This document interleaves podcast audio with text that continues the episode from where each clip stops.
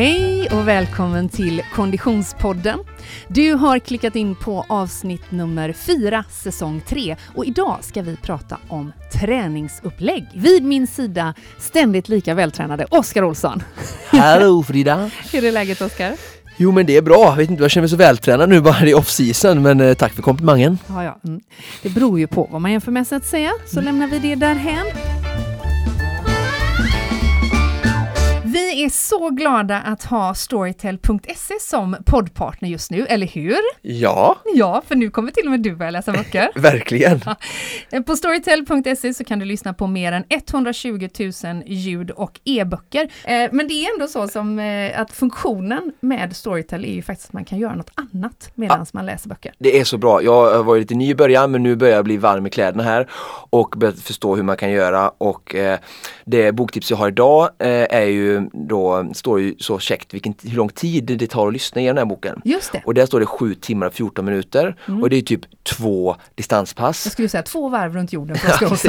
Nej men två distanspass och eftersom jag gör kanske 10-12 på en vecka så liksom hinner jag med 3-4 veck- böcker i veckan. Det här är ju stört bra. Alltså du kommer att bli ett litterärt geni. Exakt. Oskar Olsson. Ditt tips eh, den här veckan är? Ja, det är Järnstark med Anders Hansen, överläkare i psykiatri. Och eh, äh, det är bara så bra. Jag känner liksom att det här borde nog bli kurslitteratur i både grundskola och i vuxenskola. Eh, det här är ju saker såklart som inte är så nya för mig som har läst eh, idrottsvetenskap och kostvetenskap så är det här liksom återkommande saker, just det här med hälsa. Eh, men för mänskligheten så verkar det fortfarande inte riktigt gått fram. Och ehm, Alltså no offense mänskligheten men ursäkta jag är lite hård här nu men, men eh, det är ju ändå så. Men i alla fall, jag skulle nästan vilja haft som de har i plus här, en sån här du vet eh, papperskorg där man kan bara kasta ner. Eh, för de skriver, han pratar om att det är bättre än sudoku, korsord och eh, framförallt då som jag, alla kosttillskott som folk proppar i sig. Just eh, just när det gäller hälsa för hjärnan. För att eh, boken handlar om just vad träning gör för våran hjärna. Och jag tror att vi många gånger kan underskatta hur viktig hjärnan är för oss och hur viktigt det är att underhålla den. Och jag vill bara lära läsa lite, de har väldigt bra beskrivningar i Storytel eh, om liksom vad boken handlar om. Och då, det är ett utdrag här då som lyder Man vet idag att hjärnan är enormt föränderlig. Det bildar ständigt nya hjärnceller och nya kopplingar skapas och försvinner. Allt du gör, till och med varje tanke som du tänker, förändrar din hjärna lite granna. Och det gör i allra högsta grad även motion och träning. När du gör när du rör på dig blir du inte bara piggare och mår bättre. Det påverkar även sömnen, kreativiteten, stresståligheten, till och med din personlighet och intelligens. Alltså, mm, du hör ju själv. träna mera. Så kommer du bli smartare. Nej, fantastiskt rolig bok. Bra Mycket bok. Mm. bra eh, boktipsat. Eh, och jag tänker också att det är jättekrångligt att lösa sudoku när man tränar, så att det är mycket bättre verkligen. Jag håller mig kvar i det skönlitterära eh, facket då, eh, lite som en motvikt, eh, och eh, tipsar om en författare. Mhm. Och jag säger Anders Delamotte. Samma förnamn. Mm. Anders Delamotte är ju en eh, deckarförfattare, eh, eh, prisbelönt sådan, eh, och han har flera aktuella böcker ute, men jag är väldigt förtjust i den som heter Ultimatum. Och jag vet att du inte är mycket för skönlitteratur, Nej, men här är ett spår för dig. ah, det Lyssna.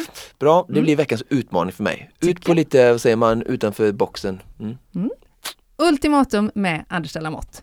Och om du som lyssnar blir sugen på att klicka in på Oscars eller mitt eller boktips eller någon av de andra 120 000 titlarna så har du chansen. För just nu så får du prova fritt i 30 dagar genom att gå in på www.storytel konditionspodden.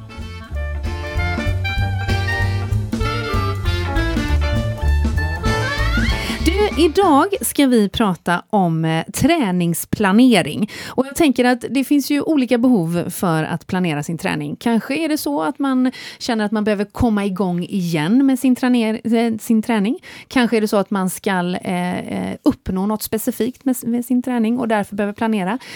Kanske är det så att man vill följa Konditionspodden säsong 3 och då också göra en svensk klassiker. För det har ju vi lite grann satt som mål att vi ska följa under den här säsongen. Absolut. Och då kanske man behöver lite eh, råd och guidning hur man ska planera sin träning. Och, och spontant så tänker jag, eh, en, en eh, ganska övergripande fråga är ju, tränar man grenspecifikt tycker du inför till exempel en svensk klassiker? Eller blandar man? Ja, eh, mitt svar där blir då att två eh, olika delar. Att om det är en person som gör det för första gången, är mm. väldigt novis, då skulle jag säga ja. Då ska man fokusera per gren? Ja. Mm. Och är det en person med högre ambitioner som gör det kanske för andra gången mm. så behöver du underhålla de andra idrotterna eh, mer. Och du, den, här, den, den erfarne atleten har ju också oftast viljan att lägga mer timmar. Men om man säger en novis person som kanske vill träna mellan två till fem timmar max per vecka. Yeah. Då räcker räcker det bara till, alltså grenspecifikt när du pratar om det är ju liksom då, ja, skidor för sig, simning, Precis. cykellöpning. Um, så att svaret blir då att den novisa motionären som gör det mm. på liksom hälso första gången nivå gör det rätt tycker jag att, att bygga upp det. Och skidåkningen för någon som är på väldigt låg konditionsnivå mm. kommer ändå hjälpa hen att eh, klara de andra med bättre styrka i simningen, bättre kondition på cyklingen och löpningen. Så skidträningen i början kommer ändå alltså, gynna de andra idrotterna, bara att personen i sig har ett mål som gör att den håller en kontinuitet per vecka.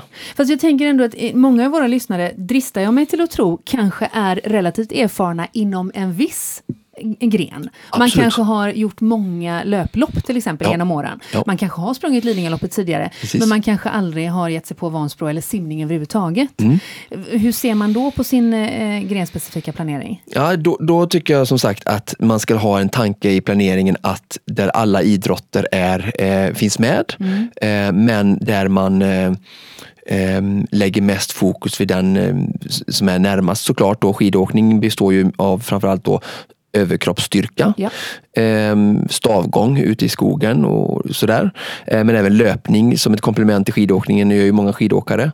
Ehm, simma i alla fall en gång i veckan för att underhålla det. Och sen även cykel är ett bra sätt för eh, trötta ben och för lite alternativ skidträning att eh, cykla längre distans. Kanske inte fokus då på eh, toppformning för cykel, mm. så inga hårda intervaller utan mer cykel som distans och uthållighetsträning för att det är ju ändå Vasaloppet är ju ändå nio mil. Mm. Så då kan man köra tre, fyra timmar cykel eller som, som aerob träning. Ehm, så, så att eh, de, den mer vanliga eh, och våra lyssnare kanske då som verkligen tränar mycket ska absolut eh, vara noga med att få med alla de här sporterna i sin planering eh, ganska tidigt skulle jag säga. Sen så gäller, kommer ändå själva träningsplaneringen för den här varning, vana idrottaren eller motionären kommer ändå ge, gälla att se på ett, en årsplan som vi kommer att prata om längre fram i, i programmet. Mm. För det, hur man än eh, vänder och vrider sig så it all comes down to cardio. Det är konditionen som det handlar om. I, absolut, i en svensk klassiker, eh, om vi pratar om det också, är ju absolut konditionsutövande. Men om vi nu tittar då lite mer specifikt på träningsplanering. Vad, vad, vad finns det för, för grundläggande liksom, element i det? Ja, bra. Eh, först så vi vänder oss till en bred massa här och jag vill verkligen börja med att säga att, att att ha en planering tror jag är jätteviktigt. Och jag mm. tror att mm, många som inte är, har några höga ambitioner eller ser sig själva som har några höga ambitioner kanske tänker att det är ingenting för mig. Mm. Eh, och det tycker jag man ska omvärdera. För att oavsett om man vill träna en eller två gånger i veckan och inte ha något jättestort utstakat mål så tror jag att eh, så är alltid att, att göra en planering eh, någonting som är förknippat med framgång. Och, och, framgång, vad menar jag med det? Jo, men att, att eh, det finns en tanke, man har satt liksom, ord på det man ska göra. Eh, det gör vi väl i, i, i livet överhuvudtaget. Om vi ska planera innan vi åker till IKEA så mm. gör vi någon typ av planering. Att, att, vi behöver detta, man går igenom rum, man kanske mäter hur långt det är från den sidan till den väggen. Man gör ändå någon typ av planering för att göra så rättvist liksom, resultat uh, utefter insatsen. Mm, mm, mm. och, så att planering tycker jag vill jag verkligen liksom lyfta fram och säga att det, det är någonting som alla borde göra oavsett nivå. Mm. Men ja, tre steg har jag noterat att först ska man ju utarbeta en träningsplan eh, och sen så ska man eh, genomföra träningar och eventuella lopp eller sånt där mm, mm. Som sen följs av återhämtning. Mm. Vi har haft ett avsnitt jag, tidigare i, i podden om återhämtning så att, det vet vi hur viktigt det är. Och sen efteråt eh, tid för reflektion. Eh, dokumentera, alltså då går man igenom det man dokumenterat i sin träningsplanering och utvärderar eh, för sig själv. Det här behöver inte vara liksom någon tränare eller något officiellt Nej. eller så, utan man utvärderar. Var det roligt? Hur tyckte jag? Ska jag göra det här igen? Skulle jag göra någonting annorlunda? Vad gick bra? Vad gick dåligt? Alltså, den processen, det kan, det kan låta kanske lite liksom, du vet, seriöst detta, ja, ja. men man kan ju göra det på ett, på ett post-it-lapp för sig själv. Ja, men, liksom. mm. men vad pratar vi om för tidsintervaller här? Vad, vad, hur, hur, när du pratar om att utarbeta en träningsplan och, mm. och, och sen dokumentera och utvärdera den, vad, hur lång var den tidsperioden? Mm. Alltså, eh, tidsperioden är väl egentligen bestäms av två delar i huvudsak. Ja. Det ena är ju personens eh, nuvarande status yeah. och sen eventuellt tiden till eh, framtida mål. Mm. Och det framtida målet kan ju vara som sagt då, nu, nu, vill inte jag att vi ska vara någon sån här eh, viktfixerad podd, men det, ibland har ju folk ett mål att man vill komma i, i shape på något ja, sätt.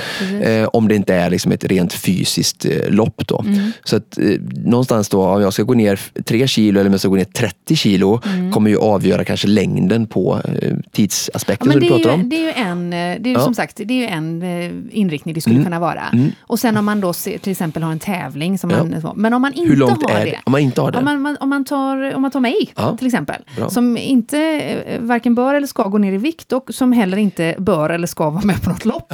Men ändå tränar en hel del. Vad, hur, lång, hur långt fram skulle min träningsplanering sträcka sig? Mm.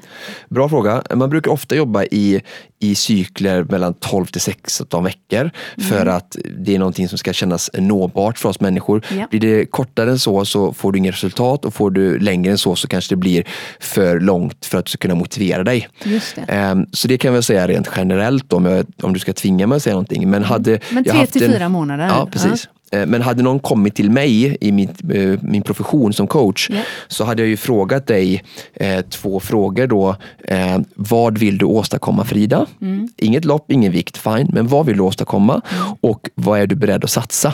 Mm. För att ju mindre du är beredd att satsa, ju längre tid tar det och ju mer du är beredd att satsa och offra i form av jobb, familj, sociala event, bla bla, ju fortare, eller ju mer tid kan vi lägga, ju fortare kan vi nå målet. Mm. Men du kanske säger så här, jag är bara beredd att lägga två timmar, men jag har det här målet. Och då ska jag säga, ja det tar, dig, det tar nog oss ungefär tio månader skulle jag vilja säga då. Mm. Eh, så jag måste ta hänsyn till det då. Just det, eller 43 år, det beror på vad man frågar. Om vi håller oss kring att sätta mål. Ja. Vad, vad, eh, behövs, det, behövs det mål för att sätta, ur ett hälsoperspektiv till exempel? Eh, nej, är det direkta svaret att det behövs det ju inte. Eh, men sen så tror jag ändå att eh, vi människor drivs av mål överhuvudtaget. Så att jag, jag, tror vi sätter mål för oss själva i, i livet, eh, i allt annat när det kommer till jobb, i kanske till och med äktenskap eller att man ska, nu ska vi köpa en sommarstuga. Mm. Eh, göra en resa tillsammans. Eh, så jag tror att, att det vi mår bra av att sätta mål. Sen tror jag att mål kanske har fått, alltså olika mål och, och vi jämför oss med andra kanske då, mm. eh, har gjort att det har blivit lite eh, skrämmande med mål och eh, lite tabu kanske för vissa. Um, men om man kan ha en sund inställning till mål och att man kan sätta mål utifrån sina förutsättningar och sina önskemål och drivkrafter och intressen så tror jag bara att mål är sunt. Mm. Och här tror jag det är viktigt att, att uh, också se att uh, vi ibland kanske Ehm, lägger, gör en, ehm, blandar ihop, jag vet jag har varit inne på det förut, men jag brukar skilja på resultatmål och prestationsmål. Ja, men eh, och uppehåll dig där en stund, vad, vad, är skillnaden då? Ja, eh, det är ganska viktigt då, för att prestation, det är återigen då, eh, det utgår alltid från individens förutsättningar och många unga elitidrottare jobbar utifrån detta för att de vet någonstans att jag kan inte säga att jag ska bli världsmästare mitt första eller andra år som senior eller säsong. Mm. För resultat, det är resultatmål är sådana mål som då är det i förhållande till andra människor ja. så du egentligen inte kan påverka. Mm. Utan jag vill bli världsmästare eller jag vill vara topp tre, jag vill vara topp fem eller mm. jag vill vara Ironman för att kvala mig till Kona så jag vill vara topp tio då måste du liksom slå din motståndare. Mm. Eh, men prestationsmål då, eh, det är ju, då tittar man bara på individens eh, alltså mål i, i förhållande till sig själv. Att jag ska klara att hoppa fem meter i stav. Mm. Jag kommer inte vinna VM-guld på det, men det blir, jag har inte hoppat, jag har inte hoppat 5-10 än, så jag måste hoppa fem först. Mm. Och liksom, så det blir, och prestation ska också ses som delmål, men ehm, ja, Fast när, när, du förklarade så här, du är ju så smart Oskar, så, så är det klart att då, då framstår ju resultatmål som tämligen korkade eftersom du kan ju heller inte påverka omgivningen på samma sätt. Nej. Men som då, eh, absolut, men när man kommer på en högre nivå, när man säger på elitmotionär och på elitidrott, så, så blir ju idrott mycket råare, tuffare. Um, så att, och då är det ju det det handlar om, att ändå, alltså, vi tävlar mot varandra för att slå mm. varandra. Det är därför vi tävlar. Det är det som driver ofta sådana som kanske Charlotte, Charlotte Kalla eller Eh, Marcus Hellner till exempel som vill vara på OS. Det är ju det som driver dem. Så att, eh, mm. Jag skiter om jag åker, de har tränat så mycket att de skiter om de kör 10 kilometer skidor eller Vasaloppet på tre timmar eller fyra timmar. Mm. De vill vara först och de vinna. Slår sin motståndare. Mm. Hur viktigt är det att kommunicera ut målen tycker du?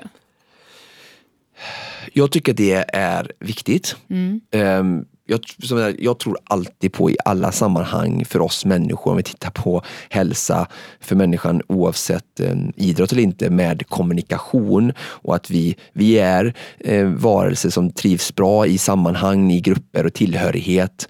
Eh, så, att, så att, att, prata om dem så tror jag att det gör dem mer verkliga för oss själva. Det är inget måste att kanske skrika ut det på eh, sociala medier, eh, att lägga onödig kanske press på sig själv och sådär. Men man kan ju kommunicera och prata om det med de närmaste sin närhet. Ehm, jag brukar tycka att man ska sätta, ehm, sätta vet du, ehm, ord på dem med, med, med, eller i skrift. Mm. Och här återigen, det behöver inte göra så seriöst som elitidrottare men många jag har tipsat mina kunder om är att, typ, att sätta upp målen på kyl, kylskåpet. kylskåpet. liksom. Ja, precis, med mm. en magnet. Någonting som påminner varje dag om det är ändå ett mål som du har satt som ger dig glädje, motivation och mening mm. med din träning och hälsa. Så att den påminns du varje gång du går upp på frukosten där och den sitter där. Och det är inget måste, det ska inte vara något krav. Det är du som har valt den, ingen annan. Det är inte någon skatt utan det är liksom självuppfunnet. Finns det inte en risk med, med mål att det, kan, eh, att det kan skrämma mer än det motiverar och framförallt om man då inte uppnår målen att man blir väldigt besviken? Eller hur ser du på att omformulera mål till exempel? Först så är det, då är målet eh, satt fel skulle jag säga om, om, mm. det, om det skrämmer dig. Och då kanske det är andra eh, krafter i kroppen eh, och känslor som har, har styrt målet och att man kanske sagt jämför sig med, med andra och glömmer bort att eh, titta från sina egna förutsättningar och möjligheter och sådär. Så, då kan de, de flesta mål bli skrämmande tror jag. Mm. Eh, men ehm, vi brukar ju ibland prata om eh, smarta mål, måste ju alla ha, hört säkert. Eh, och eh, Först då brukar man S stå för specifik och det är att det ska vara något mål, alltså att det inte är för eh, brett utan att det är ja, en klassiker är väldigt specifikt eller mm. ett blodomlopp eller en, en, starkare kropp och så kanske man får definiera det lite då om man tänker mm. för sig själv vad mm. stark kropp är. Eller ett viktmål och sådär. Och sen då eh, eh, M är ju mätbara. Mm. Att man någonstans ändå för sig själv, även om det bara är för sig själv, kan, kan mäta det på något sätt. Um, vad är jag nu? Vad vill jag? Och hur mäter jag det? Ja, men man kan använda en våg, man kan använda en klocka.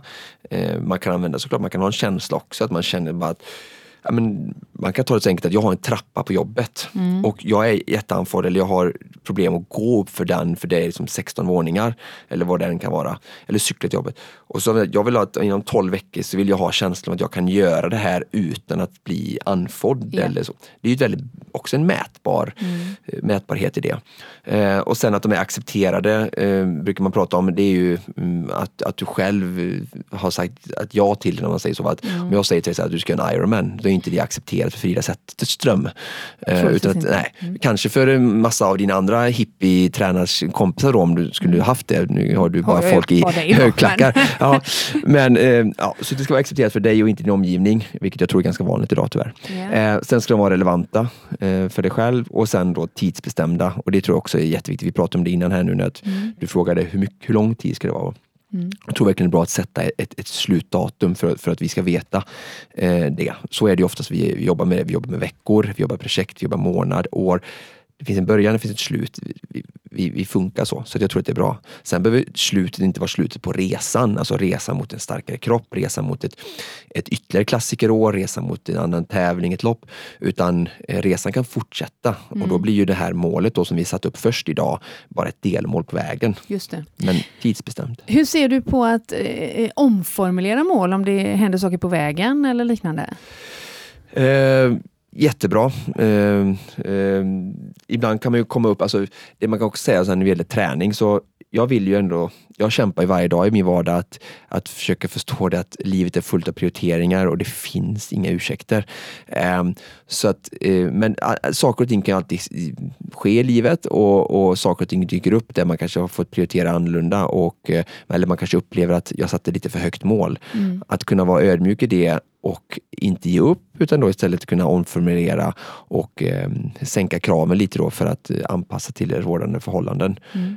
Men om man har suttit ner eh, innan och, och, och, man också tagit höjd och jag vet att vi har pratat om det här också innan, det gör jag ofta, eh, att man avsätter tid och faktiskt planerar för träningen och sådär. Så mm, i sin träningsplanering då som vi också slår ett eh, slag för nu så, så tycker jag att eh, har man genomtänkt det ska man inte behöva göra det men, men absolut omformulera, om, omformulera målen om, om man eh, man behöver det. Mm. Okej, okay. vi har bestämt oss för mål, vi har satt dem, vi har gjort dem smarta, det vill säga S-M-A-R-T. Eh, smarta, det kan jag inte stava till. eh, hur lägger vi upp eh, träningsprogrammen? Bra. Årsplan. Eh,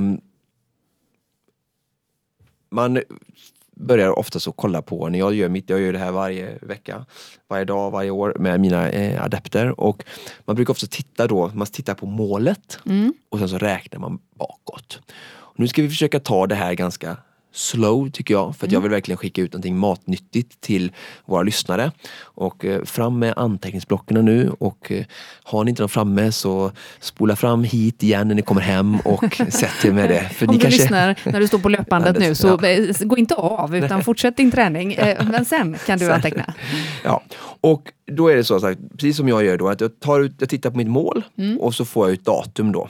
Eh, och då har jag använt de här smarta målen som om man gör en sån self-assession eh, utvärdering och, och sitt mål sätter det så får man ändå en tid. Om vi sa 16 veckor för dig eller om vi mm. har Vasaloppet då som vi kommer att prata om en del här eh, så då får man en, så där räknar man bakåt ja. och ser hur, många, hur, mycket, hur lång tid har jag på mig och vad ska jag fylla i detta då. och då har man det och då brukar man prata om olika cykler. Mm. Och det, första, det största då som är, är en makrocykel, det är eh, det som täcker hela året. Och en makrocykel består av eh, x antal månader mm. beroende på såklart då hur mycket tid vi har innan målet. Um, och sen har vi eh, uppdelningen av eh, makrocyklar, det är mesocyklar, det är eh, veckor, mm. eh, oftast eh, tre till fyra veckor. Mm. Ehm, och så som jag gör det ehm, på ett bra sätt och använder mescyklarna så är det till exempel att det kan vara tre veckor lite eh, uppbyggande, uppbyggande kontinuitet och, och, längd på passen och intensitet. Sen tar man en, en vilovecka mm. och sen börjar en ny mescykel med eventuellt nya fokusområden eller med en höjd progression igen. Så att det är liksom trycka ner, trycka ner, trycka ner och sen lite vila.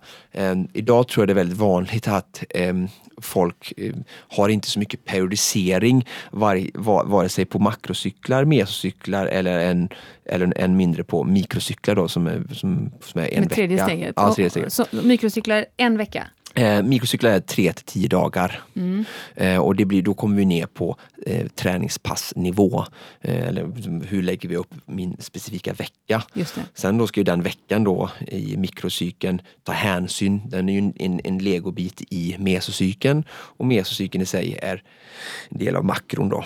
Mm. Ehm, men eh, om vi tittar på eh, makrocykeln så har vi ju först då det intressanta här då att var börjar jag stå här nu? Jag har satt mitt mål, jag har räknat baklänges. Okej, okay, då börjar eh, vi med uppbyggnadsperioden. Mm. Och det är oavsett vilka typer av eh, idrotter vi håller på med.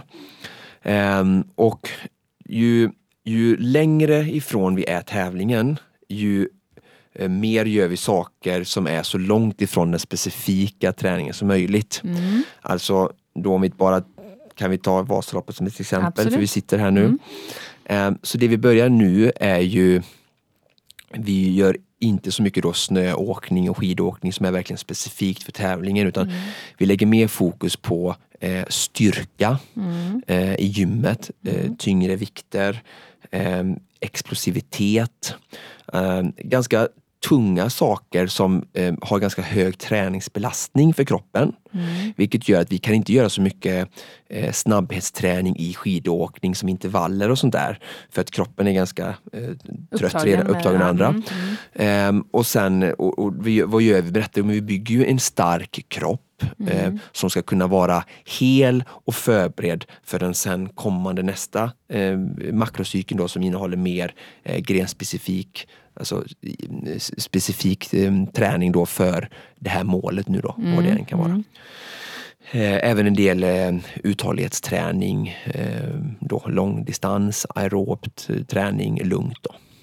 Så där har man uppbyggnadsperioden och om man tittar på ett år då som vi just håller mm. pratar nu så, så är den, brukar den vara mellan 40 till 50 procent nästan av eh, träningsåret. Så att uppbyggnadsperioden den har vissa schackningar också men den är ganska stor för att lägga en bra sund, sund eh, grund mm. eh, för att kunna klara sen den andra tunga träningen och även då eventuellt tävlingsperiod som jag mm. tror att många av våra lyssnare har på, på sommaren då i swimrun, triathlon mm. och allt vad det kan vara, löpning eh, från kanske maj till september. Mm.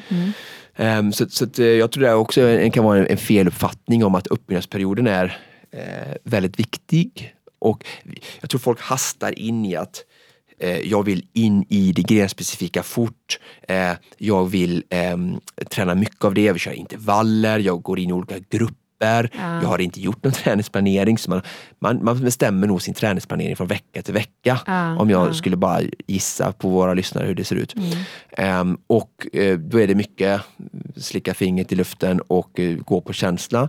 Och eh, min erfarenhet är att då är det lätt att man blir skadad och att vi har tyvärr många konditionsidrottare som, som dras med skador. Mm, mm. Det, det, är såklart en del av konditionsidrott för den är ganska hård och mm. precis som kanske andra sporter, eh, ishockey, gymnastik vad det kan vara. Men, men, men konditionsidrott är väldigt, men, men som sagt. Mm. Men jag, jag, tänker att det, när, du, när du beskriver detta då med uppbyggnadsfasen, uppbyggnadsperioden, eh, gäller det här även den, den konditionsidrottare som lyssnar som, som trots allt är väldigt aktiv? Alltså har, man, har man samma behov av uppbyggnad eh, då? Alltså, ja, även ja. om man inte har suttit och rullat tummarna fram till dess? Ja, Bra fråga. Eh, för efter den här uppbyggnadsperioden så kommer en, en, en specifik eh, tävling, alltså en träningsperiod där man, ja, och man även kallar den för tävlingsförberedande, där man då mm. blir mer eh, skidåkning eh, eller mer specifik cykelträning. Alltså aktiviteter och träningspass som mer liknar tävlingssituationen. Mm. Alltså mer samma distans, mer samma, jobba i den farten och sen även höja kapaciteten i kapacitetsfas där man jobbar mycket med intervaller och sånt där. Och då när detta ökar så går styrkan ner ner. Eh, och sen kommer själva tävlingssäsongen. Då går ju träningen ner. Eh, för det är bara att tävla en del gånger liksom, i, i följd kommer ju slita. Yeah. Och sen kommer en återhämtningsperiod som jag tror är extremt viktig. Mm. Eh, och då behöver, även om det är en, som du säger, en van person, mm så behöver hon eller han eh, få chans att både mentalt men även fysiskt slicka såren och, och återhämta. Det, det är där jag befinner mig nu. Mm. Um, och sen då ladda upp igen, då är kroppen liksom eh, återhämtat både psykiskt och fysiskt och sen börjar man om igen med en uppbyggnadsperiod med eh, styrka och, och då kommer ytterligare ett år med där man får x antal veckor och månader med tung styrketräning och specifik styrka för cykel eller skidåkning vad det kan vara. Eh, och så förhoppningsvis blir man ännu lite starkare den här uppbyggnadsperioden än vad uppbyggnadsperioden innan. Just det. Och då förändras den ja. upplägget på ja. den uppbyggnadsperioden. och eh, eh, Det man kan säga egentligen om alla idrotter och det jag pratar om nu, det är så här att jag pratar ju bara direkt nu ur hur eliten gör, alltså mm. hur forskningen mm. säger och vad vi har kommit fram till är det bästa sättet att, att göra en träningsplanering. Och i vilken en idrott man har, man ser man runt olika idrottsföreningar så har vi elitverksamhet yeah. som ska vara i topp toppen på pyramiden där man gör alla rätt. Sen så ska det liksom eh, genomsyra hela organisationen via motionär, föräldrar höll på att säga och, och sen ner till barn mm. och ungdomar. Att man liksom tolkar ner det lite som i modebranschen. Du vet, det kommer i italienska husen där och sen så har H&M tolkat ner det eh, så att det faktiskt kan köpa för det ser ut som en påfågel i Italien och sen så helt plötsligt är det någonting som Britta Larsson ifrån Partille kan tänka sig att gå och känna sig snygg i. Mm, är det, det, inte så? Jo, ungefär ja. så är det tycker ja. jag. Och, och därför menar jag att ja, vi, vi tittar på, och det jag vill svara på din fråga här är nämligen att det här är för alla. Mm. Men sen såklart i olika mindre, stora utsträckningar. Mm. Men att ha det här tänket med eh, att inte liksom, nu ska jag börja träna för svensk klassiker. Mm. Så nu går jag och kör fyra gånger tre minuter det första jag gör, alltså stenhårt intervallpass. Att, att, att, det är inte det, kanske den bästa då. Jag pratar, Men möter, du inte, möter du inte eh, Britta Larsson från Partille eller annan eh, eh, elitmotionär som, som tänker att ja, men jag har redan gjort min uppbyggnadsfas. Jag är framme vid det träningsspecifika eller vid, vid det mer eh, grenspecifika mm. nu. Att vi kommer, du vet jag möter då i så fall, när du säger det så menar jag att jag möter någon som är eh, 8 till 12 veckor ifrån sitt mål redan då. Ja, det är, så, det är så nära man ska vara då ja. Ja, det beror lite på vad man har för ambitioner. Eh, jag menar, jag har någon som kanske brukar tävla i augusti. Mm. Eh, mitten, slutet av augusti. De kommer in i den tävlingsspecifika perioden kanske någonstans beroende på slutet av mars, mitten av april någon gång. Mm. Så den kanske pågår i ja, 12-16 veckor mm. eh, under liksom tidig vår, eh, sommar i Sverige. Och jag, tror, jag var nog mer ute efter att, att, att eh, Britta eller jag skulle tro mm. att man redan hade varit igenom uppbyggnadsfasen. Alltså att det inte det är en ganska vanlig eh, missuppfattning att man tror att man, jag, är ju, jag är ju inte helt otränad. Jag behöver inte uppbyggnadsfasen. Just det. Um, ja, det, det är två skilda saker. För mm. det du pratar om då, att de skulle säga till mig att jag har inte noll kondition utan jag har en viss grundkondition. Ja. Och det stämmer ju att det har de ju, men det har ju ingenting med hur de lägger upp sin årsplan mm. för att liksom prestera på sitt mål och att de ska träna olika saker inför året. Och, att, och det jag säger är så att har de anmält sig till Vätternrundan 2019 så är det inte fokus nu att gå på fyra spinningklasser och köra intervaller varje vecka utan det är styrketräning och alternativa andra träningar för att bygga mm. upp kroppen eh, inför de här tuffa intervallerna som ska komma sen mm. eh, och långpasserna ute för att inte vara skadad. Det är den rätta vägen att gå oavsett om de har en eller tio säsonger i ryggen. Mm. Lägger du upp eh, träningsplaneringen på, på motsvarande sätt, alltså med eh, makro, meso och mikrocykler, även om målet är en starkare kropp? Bara för att eh, eh, alltså man fokuserar ju på olika saker vid de här eh, tillfällena. Men har man, har, man, har man inget mål alls, alltså mm. bara ett viktmål eller bara jag vill känna mig starkare, mm. så då är vi ett hälsoperspektiv och då skulle jag kanske släppa lite mer på de här eh, sakerna om det inte ens finns ett lopp med i bilden. Eh, och då mer prata utifrån eh, glädje, eh, vad som din kropp funkar mest med och vad din, din skalle eh, funkar mest med. För att då är det ändå så att det är två eller tre träningspass max som ska bli av veckan. Mm. Och vad gör vi för att de är så roliga och icke ångestfyllda som möjligt. Mm. För att, eh, ja, det blir det som är prio då. Men om man som lyssnar nu känner, ja men det här passar mig med eh, årsplaneringen, eh, men jag skulle behöva lite mer specifika råd, då kan man ju faktiskt kontakta oss, eller framförallt dig, ja. eh, via Konditionspoddens Facebook-sida till exempel. Jättegärna, ställ massa frågor, jag älskar sånt här. Vi är tillbaka om en vecka igen och eh, det här avsnittet, likt alla andra, producerades utav Fredag, Connecting Brands with People. Nu säger vi hej då! Hej då!